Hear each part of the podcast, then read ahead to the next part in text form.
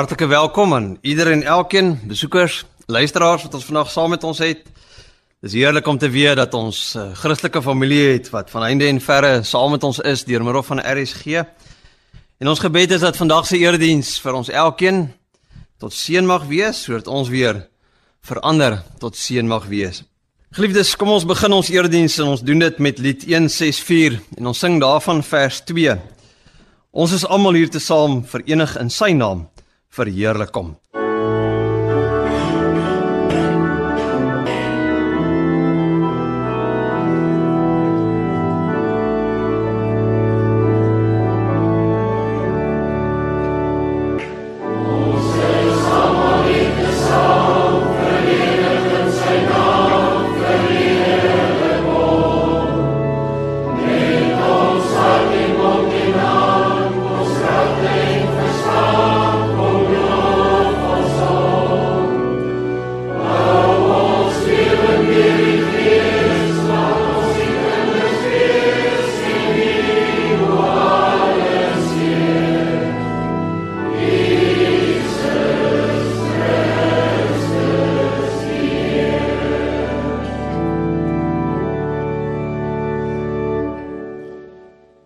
Geliefdes in die Here, genade, barmhartigheid en vrede vir julle van God ons Vader en sy seun Jesus Christus deur die kragtige werking van die Heilige Gees.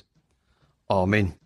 Ons loof die Here met twee liedere. Die eerste een is Psalm 95 en ons sing daarvan vers 1 en vers 4 waar hier oproep gemaak word: Kom, laat ons jubel voor die Here. En dan direk daarna lied 200 vers 1 en vers 2. Kom ons sing Psalm 95 vers 1 en vers 4 en dan direk daarna die 200 vers 1 en 2.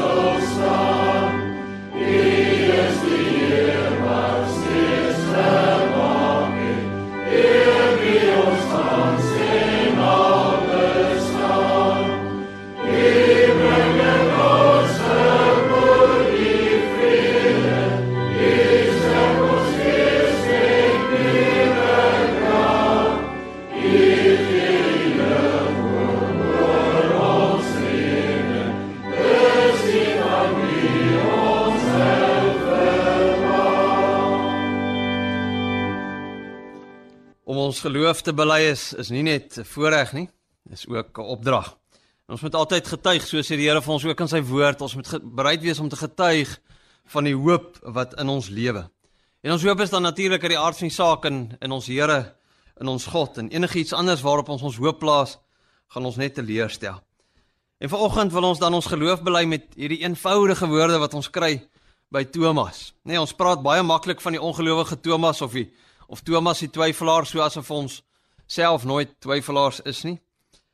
En wanneer Thomas dan vir Jesus sien, dan maak hy eintlik hierdie pragtige en eenvoudige belydenis. En dit lees ons in Johannes 20 28 tot 29. Dis nadat Jesus aan Thomas verskyn, dan sê Thomas vir hom: "My Here en my God." En toe sê Jesus vir hom: "Glo jy nou omdat jy my sien? Gelukkig is die wat nie gesien het nie en tog glo." my Here en my God. Wat 'n pragtige belydenis om te kan maak, nie die Here en die God nie, my Here, nee persoonlik verhouding. Mag dit ook ons geloofsbelydenis wees. Amen. Ons Vader wat in die hemel is, ja Here, U is heilig. U is Vader, Seun en Heilige Gees. U is sonder begin, sonder einde. U is sonder sonde. U is sonder beperkings. Ja, U is groot. En omdat U so groot en so almagtig en so alwetend is, daarom kan ons weet dat ook U genade, ook U liefde is so groot soos U self. Dat ook U genade so groot is soos U self. En dis waarop ons vandag wil beroep o Here want ons weet dat ons elkeen ons bely maar te graag my Here en my God Maar as ons werklik kyk na wat ons dink en wat ons sê en wat ons doen, as ons werklik kyk na ons lewe, dan laat sak ons ons kop in skaamte. Want ons besef, o Here, ons is nog so gebroke. Ons is nog so geneig om maar die eie ek te volg. Ons het nog soveel trots. Ons het nog soveel kwaad. Ons het nog soveel soveel verkeerde fokusse. En daarom wil ons op grond van die liefde en die genade smeek, wil U ons skoon was in die bloed van Christus, wil U ons sondes vergewe. Laat ons ook kan weet maar in Christus en in Christus alleen kan ons U kinders wees. Dat daar's geen ander manier waarop ons U kinders kan wees as om aan Christus vas te gryp met ons hele wese nie. Wil U ook U woord vir ons vanoggend oopmaak? Wil U deur die Heilige Gees ons lei? Ja Here, wil U deur die woord met elkeen van ons praat binne ons eie omstandighede. U ken elkeen wat wat luister ook vandag. En U weet ook wat binne in elkeen se harte leef en daarom is ons gebed dat U elke luisteraar ook se hart sal vasgryp, dat U ook 'n vrede en 'n rustigheid sal bring wat alle verstand te bowe gaan, dat ons ook nou kan hoor wat U vir ons deur U woord wil sê. Ons bid dit alles, o Here, In die wonderlike naam van Christus Jesus, u seun, ons koning, ons Here en ons God. Amen. Ons lees dan vandag uit die Here se woord uit uit Lukas 22 uit. Lukas 22 gaan ons van vers 39 tot 64 lees. En die die tema van die prediking is dan die uur toe duisternis geheers het. Lukas 22 vers 39 tot en met 64. Jesus het die stad verlaat en volgens gewoonte Olyfberg toe gegaan en sy disippels het hom gevolg. Toe hy op die plek aankom, sê hy vir hulle: "Bid dat julle nie in versoeking kom nie." Hy het hom toe van hulle afgesonder omtrent so ver as 'n mens met 'n klip kan gooi. Daar het hy gekniel en gebid: "Vader, as U wil, neem tog hierdie lydensbeker van my af weg. Laat nogtans nie my wil nie, maar U wil geskied." 'n Engel uit die hemel het aan hom verskyn en hom versterk.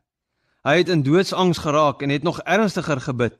Sy sweet het soos bloeddruppels geword wat op die grond val. Toe hy van die gebed opstaan en by die disippels kom, kry hy hulle aan die slaap, uitgeput van droefheid. Hy sê toe vir hulle: "Waarom slaap julle? Staan op en bid, sodat julle nie in versoeking kom nie." Terwyl Jesus nog praat, kom 'n klomp mense daaraan Die een wat Judas genoem is, een van die 12, het hulle gelei en nader gekom na Jesus toe om hom te soen. Maar Jesus sê vir hom: Judas, verraai jy die seun van die mens met 'n soen? Toe die wat saam met Jesus was sien wat gaan gebeur, vra hulle: Here, moet ons hulle met die swaard aanval? Een van hulle slaan toe na die slaaf van die hoofpriester en kap sy regteroor af. Maar Jesus sê: "Hou op daarmee." Daarna het hy die oor aangeraak en hom genees. Toe sê Jesus vir die priesterhoofde, die offisiere van die tempelwag en die familiehoofde wat teen hom opgetrek het: "Trek julle met swaarde en stokke uit soos teen 'n rower? Dag vir dag was ek saam met julle in die tempel en julle het nie 'n hand uitgesteek om my te vang nie. Maar nou dat die tyd vir die duistere magte daar is, het julle julle kans. Hulle het Jesus toe gevange geneem en hom weggelei en in die huis van die hoofpriester gebring. Petrus het op 'n afstand agterna gekom. In die middel van die binneplaas was daar 'n vuur en daar het mense bymekaar gesit. Petrus het tussen hulle gaan sit. 'n Diensmeisie wat hom in die skynsel van die vuur sien sit het, het hom goed bekyk en gesê: "Die een was ook saam met daardie man." Maar Petrus het dit ontken deur te sê: "Juffrou, ek ken hom nie." 'n Rukkie later sien iemand anders hom en sê: "Jy is mos ook een van hulle." Maar Petrus antwoord: "Man, ek is nie." Na verloop van so wat 'n uur het nog een met beslisheid beweer: "So waar, die een was ook saam met daardie man. Hy is mos ook 'n Galileër." Maar Petrus sê: "Man, ek weet nie waarvan jy praat nie." En onmiddellik terwyl hy nog praat, het daar 'n haan gekraai. Die Here het omgedraai en Petrus aangekyk. Toeval het Petrus by waar die Here vir hom gesê het: "Voordat die haan vannag kraai, sal jy my 3 maal verloon." En Petrus het buitentoe gegaan en bitterlik gehuil. Die manne wat vir Jesus bewaak het, het aangehou om met hom die spot te dryf en hom te slaan. Hulle het hom geblinddoek en gesê: "Jy is mos 'n profeet. Sê, wie het jou geslaan?" Nou geliefdes, dis Paastyd en Vanoggend kyk ons eintlik na wat die nag gebeur het toe Jesus verraai is. En daar is eintlik hierdie hele onderliggende tema in hierdie hele gedeelte wat ons gelees het van duisternis. En dan in die in die middel van die gedeelte wat ons gelees het, maak Jesus eintlik 'n baie vreemde stelling. Dis aan die einde van vers 53 en as ons hom letterlik vertaal, dan dan staan daar, hy word verskillend vertaal in die ou en die nuwe vertaling, maar letterlik staan daar, maar dit is julle uur nou regeer die duisternis. En die woord hier in Grieks wat met regeer vertaal word beteken om te regeer met autoriteit. Met ander woorde, Jesus sê dis nou die autoriteit van die duisternis. Goeie vertaling, die duisternis regeer. En alles waarvan ons dan verder gelees het in hierdie gedeelte wat gebeur in daardie nag, sê vir ons hier's eintlik iets diepers aan die gang. Hier's iets donkerder as die donkerste nag.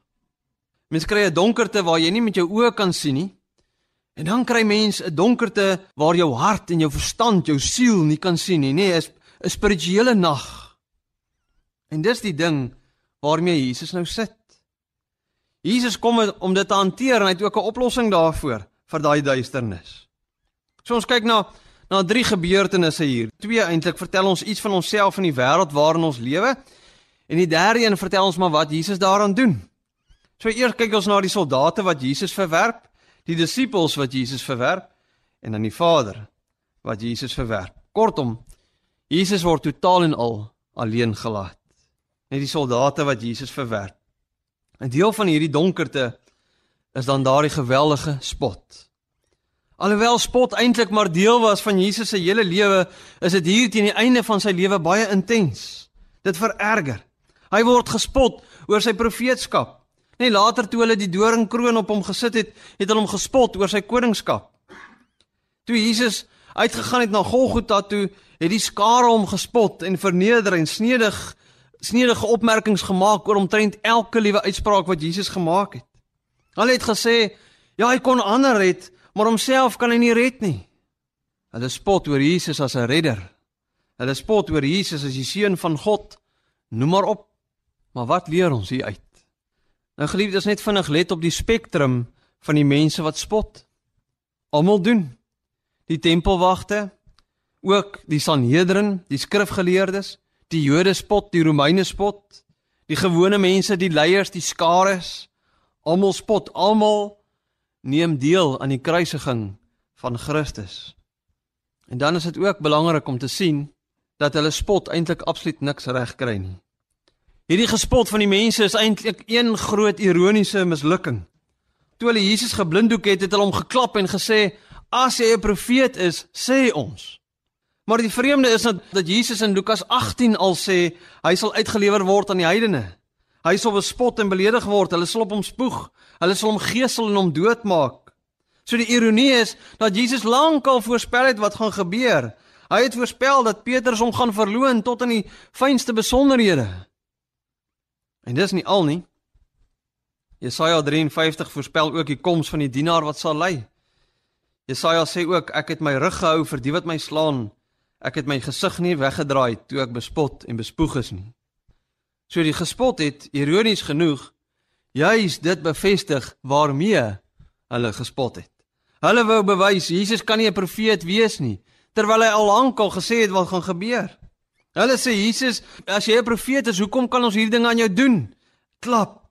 As jy 'n man van God is, dan sal God mos nie toelaat dat hierdie dinge met jou gebeur nie. Klap. As jy 'n man van God is, dan kan jy mos nie so kwesbaar wees nie. Klap. God werk mos nie met swakkelinge nie. Klap. Jy kan nie 'n profeet wees nie, maar Jesus is. So hulle kyk eenvoudig na Jesus se lyding en dit lyk vir hulle sinneloos. Hulle sien sy kwesbaarheid en hulle sien sy swakheid. Hulle kyk na alles wat verkeerd gaan en dan maak hulle die gevolgtrekking hierdie kan nie die seun van God wees nie. Wat leer ons hier? Wat sien ons? Ons sien 'n baie duidelike geliefdes, 'n baie duidelike geestelike blindheid. Mense kan maklik rondkyk in die wêreld in ons land en hulle kan donker te sien al die tragedies en die lyding en die onreg en die boosheid en sê dan sê hulle maar daar kan nie 'n God wees nie. Want God sal nie so iets toelaat nie. As daar 'n God is, hoekom gebeur hierdie dinge? Dit is eintlik niks anders nie, geliefdes, as spot. Hierdie mense rondom Jesus staan by God. Maar hulle sê dit kan nie. God is nie hier nie. Wat as Jesus gedoen het wat die mense van hom verwag het? Wat as Jesus sy vingers geklap het en die soldate met vuur verteer het en op 'n perd gespring het en saam met 'n engele leer skare die vyande vernietig het? Wat dan? Wat as Jesus gedoen het wat die mense van hom verwag het? Dan geliefdes, het hy ons gered van die Romeinse ryk en dis al. As Jesus ons wil bevry van die duisternis van dood en van sonde, dan het hy presies gedoen wat hy moes doen. En God het presies geweet wat hy moet doen. Kom ons pas dit bietjie toe in ons eie lewe. Wanneer ek en jy na na die probleme in ons lewe kyk, wat sê ons? Sê ons ook, maar God kan nie hier wees nie. Hier kan nie iets goeds hier uitkom nie. Spot ek en jy nie ook dan maar nie? Want op die einde van die dag maak ons maar net onsself seer. Jy sien wolke kan pikgiet swart donker wees in die dag, maar die son is nog steeds daar. Jy kan dalk nie die son sien nie, maar hy's daar. Donker wolke maak nie dat die son ophou skyn nie, dit maak net dat ons nie die son raak sien nie. En hier leer ons van Jesus. As God die sogenaamde sinneloosheid en die tragedie van Jesus se lewe kan vat en daaruit 'n kosmiese oorwinning kan bewerk, hoekom kan hy nie dan al die ander dinge in ons lewe ook bewerk tot iets moois nie? Elke Sondag is immers 'n 'n feesdag vir Christus se opstanding. 'n Totale daad van oorwinning en betaling. En as God deur Jesus se lewe dit kon doen, geliefdes, dan is ons lewe en ons moeilikheid ook in sy hande. Maar die geestelike donkerheid in ons harte maak dat wanneer dinge moeilik gaan, dan hou ons vinnig op om te vertrou. Ons kyk vas teen dit wat ons sien. Ons sien die soldate en ons sien die spot. Bloot omdat ons nie altyd kan sien hoe die Here werk nie, beteken nie dat hy nie werk nie. So geliefdes, moenie dat fisiese donkerheid in jou lewe 'n geestelike donkerheid bring nie. Maar dis nie net die soldate nie, dis dis ook die disippels. Een met 'n soen wat nie werklik 'n soen is nie. Jesus vra Judas, "Verraai jy die seun van die mens met 'n soen?" Kom ons hou net 'n bietjie hier vas. Wat beteken die soen hier? En die die konteks van die Joodse kultuur sal ons help. Wanneer 'n 'n leerling of 'n disipel by 'n groep gekom het dan het hulle nooit die die rabbi eerste gegroet nie.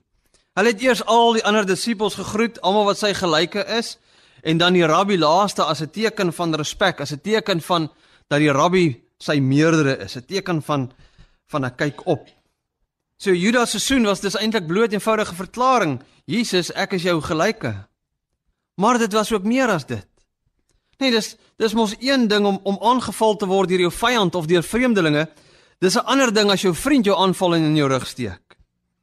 Psalm 55 praat daarvan. Psalm 55 sê as dit 'n teenstander was wat my wou verneder, dan sou ek hom kon probeer vermy.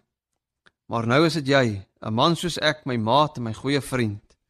Sy tong is gladder as botter, maar daar is oorlog in sy hart. Judas verraai die verhouding wat hy met Jesus het met 'n soen wat eintlik nie 'n soen is nie. Weereens. Ons kan baie maklik op Judas pik en sê ja nee, dis seker die slegste sonde van al die sondes ooit om Jesus te verraai met 'n soen. Maar ek glo nie dis die doel van hierdie teks nie. Nee, onthou julle met die instelling van die nagmaal, dan sê Jesus aan tafel een van julle sal my verraai daar in die bokkamer. Wat sê die disippels dan? Sê die disippels, ja, ons weet presies wie wie Jesus bedoel. Dis Judas. Hy was mos nog altyd 'n bietjie anders.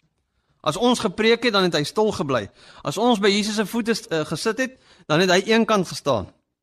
Hy was iemand wat altyd geargumenteer het. Hy was altyd knorrig en trots en kwaad. Dis nie wat hulle sê nie. Hulle sê: "Wie kan dit wees? Here, is dit dalk ek?" Want Judas was nie anders as ek of jy of Petrus of Johannes nie. Om God te soen met 'n soen wat nie 'n soen is nie, is om God te gebruik, is om sy intimiteit in jou lewe te verraai. As daar nie 'n God is nie, geliefdes, dan is ons lewe betekenloos dan het ons lewe absoluut geen sin nie. Dan is hierdie lewe niks anders as een groot vet stuk hartseer nie. Maar as daar 'n God is en hierdie God sê vir ons dat sy liefde groter is as 'n ma se liefde vir haar kind. Dat sy liefde so groot is dat hy my en jou name op sy handpalm graweer. Dat hy ons gemaak het om in 'n verhouding met hom te staan. Maar ons sit heeltyd ander goeders in die middelpunt van ons lewe, geliefdes, dan soen ons hom met 'n soen wat nie 'n soen is nie. Elke daad waar ons dink ons is onafhanklik van God of self God binne in 'n sekere situasie of in ons lewe. Elke sonde wat ons doen is eintlik verraad teenoor die Allerhoogste se intimiteit.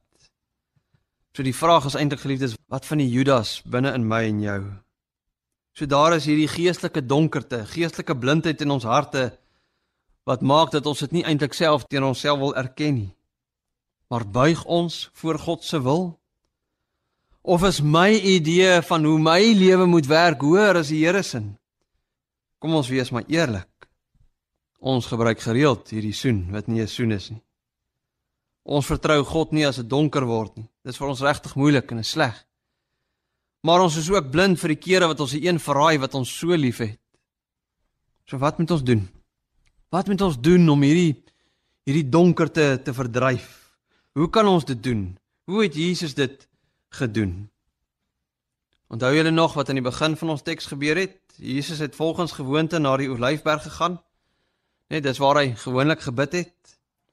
En toe hy by die plek kom het hy gebid en hy het vir sy disippels gevra om ook te bid, nê, nee, wat hulle trouens nie gedoen het nie. En dan kom 'n engel by Jesus en en hy versterk hom. Maar dan, en kyk mooi wanneer dit gebeur, dan raak hy benoud, doodsangs En dan bid hy nog ernstiger en sy sweet het soos bloeddruppels geword, skryf Lukas. En die woord wat hier vir doodsangs gebruik word, is die woord agonia. Nee, die Engels word daarvan vertaal van agony. En dit is die eerste en die enigste keer wanneer dit met Jesus gebruik word. Markus sê Jesus was ontstel. So daar daar het iets gebeur wat Jesus geweldig geskok het. Die seun van God is in 'n diepe benoudheid. Maar wat was dit? Was dit net dat Jesus bang was om te sterf? Nee, geliefdes, want nadat die engel by Jesus was, bid hy nog ernstiger, sê Lukas. Nee, die skok, die gewig word net swaarder. Hy gooi homself meer in gebed. Maar hoe kan dit wees dat Jesus nou meer ernstiger is? Is daar is daar fout met sy vorige gebede gewees? Nee, geliefdes, Jesus is besig om te drink aan die beker. Wat was daardie beker? Ons kry dit baie in die Ou Testament nogals, né? Nee? Die die beker is is eenvoudig God se regverdige oordeel. Wat is die gevolg van ons sondes teen God? Die verhouding gaan gebroke, daar's dood. So ons is gemaak om 'n verhouding met God te lewe en om van daardie verhouding dan afgesny te word, bring benoudheid en ontsteltenis en ons sien dit in ons lewe, ons sien dit in die wêreld. En wat Jesus begin ervaar het is meer as dit. Onthou julle Psalm 55 van net nou, as 'n vriend jou verwerp, is dit erger as 'n vyand, maar weet julle wat is nog erger? 'n Ma wat haar kind verwerp. Weet julle wat is nog erger? As die Vader vir Jesus verwerp, want Vader en Seun het 'n verhouding van ewigheid af. Hulle het 'n verhouding wat so na mekaar is dat ons praat van 'n drie-eenheid. Hulle is een. Dis 'n verhouding waarvan ek en jy maar net kan droom, so erg is dit. Daar was nog geen man of vrou, geen ouer en kind wat nog ooit so een met mekaar was soos die Vader en die Seun nie. En vir Jesus om nou net selfs te begin proe aan daardie verlore liefde, skok hom so dat sy bloed en sy sweet meng. En as dit dan net die begin is vir Jesus. Hoe moes dit nie vir hom aan die kruis gewees het nie? Maar hoekom? Hoekom doen Jesus dit?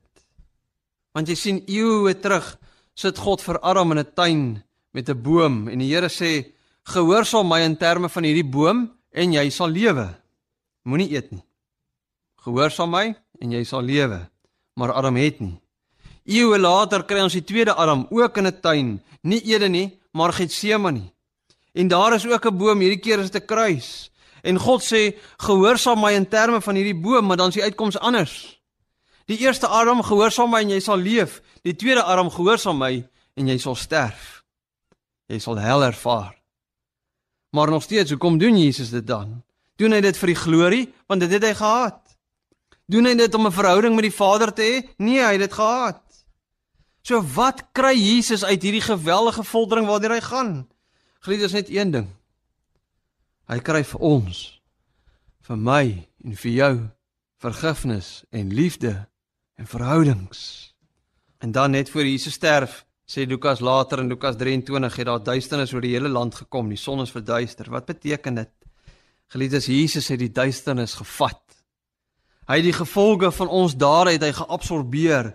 Jesus sterf in duisternis sodat ons kan lewe in die lig, 'n lig wat nooit uitgedoof kan word nie. Maar glo jy dit? Glo jy dit ook as dinge rondom jou donker word en jy God net moet vertrou? Glo jy dit so ernstig dat jy God nie wil soen met 'n soen wat nie 'n soen is nie. Jesus wat die wat die duisternis vir my en vir jou vat, is die enigste daad wat die duisternis uit ons harte kan lig. En ons sien dit in Petrus. Petrus het in die donkerte by 'n vuurtjie gestaan en hy het vir Jesus verloon. En dan kraai die haan en dan gaan hy uit en hy huil bitterlik. So wat het die duisternis uit Petrus se hart uitgehaal? Eerstens was hy in 'n situasie wat vir hom gewys het dat hy nie so sterk is soos wat hy dink nie. En toe die haan kraai, het Petrus onthou wat die Here vir hom gesê het. Nee, ons vier een van die dae Paasfees. Hoekom? Sodat ek en jy kan onthou wat die Here gesê het. Ons is boser as wat ons dink, maar ons is meer geliefd as wat ons ooit kan droom. En daarom geliefdes, die uur van duisternis is verby. Duisternis heers nie meer nie. Jesus het dit absorbeer. Hy het dit betaal. Hy het dit afgehandel. So mag die Heilige Gees jou lig wees en jou help om die lig te sien. Mag die Heilige Gees jou daaraan herinner elke oomblik wanneer jy voel daar is net duisternis om jou en mag Paasfees jou herinner dat jy kan onthou wat Jesus gedoen het. Dat jy kan onthou dat hy dit vir jou gedoen het. Amen. Kom ons bid saam. Ons Vader, die kruisigingsverhaal, die geskiedenis van wat Jesus alles daar moes ervaar, bly ons maar net in die hart gryp. Dat hy wat volkome gehoorsaam was, hy wat volkome sonder sonde is, deur hel moes gaan, sodat ons wat so bevlek is met sonde van voor ons geboorte af al vry kan wees in Christus. Sodat ons wat nie 'n volk is nie, u volk kan wees, sodat ons onsself die kinders van die Allerhoogste kan noem. En daardie gebeurtenis, o Here, so wreed en so skrikwekkend soos wat dit was, bly ons grootste troos. Dat ons in Christus kan weet hy het dit vir ons gedoen en daarom het ons hierdie wonderlike vreugde, hierdie wonderlike vryheid wat ons kan lewe. En dat ons kan weet die voorhangsel is geskeur, daar's vrye toegang tot U. Ons kan enige tyd en enige plek kan ons met U praat. Kan ons tot U bid. En daarom is ons gebed, Vader, dat dat U die onthou so in ons harte sal werk dat ons net weer en weer sal omdraai, sal terugkeer na U toe. Dat ons elke dag weer en weer sal besluit Christus is die een wat ek wil volg. Bid vir ons land, ook in terme van die verkiesing wat op pad is. Ons bid vir vrede en wysheid. Ons bid vir onderskeidingsvermoë en rustigheid. Ja Here, ons bid dat U ook ons land sal genees van al die geweld en al die seer dinge wat ons so elke dag sien en ervaar en hoor. Ja, ons bid dat ons U voor oë sal bly hou dat U ons bron van hoop en troos mag wees. Here, wil U ons seën? Wil U deur die Heilige Gees so in ons harte werk dat ons ook weer tot seën sal wees van ander, dat ons ook ander sal vertel van die enigste lig wat die duisternis kan verdryf. Ons bid U dit alles op grond van U groot genade daardie genade wat U aan ons bewys het op Golgotha deur U seun Jesus Christus. Amen. Kom ons sing Psalm 145 vers 1 en 3 en 9. Ek wil U lof getrou verkondig, Heer, en dit uitdra oral altyd meer en meer.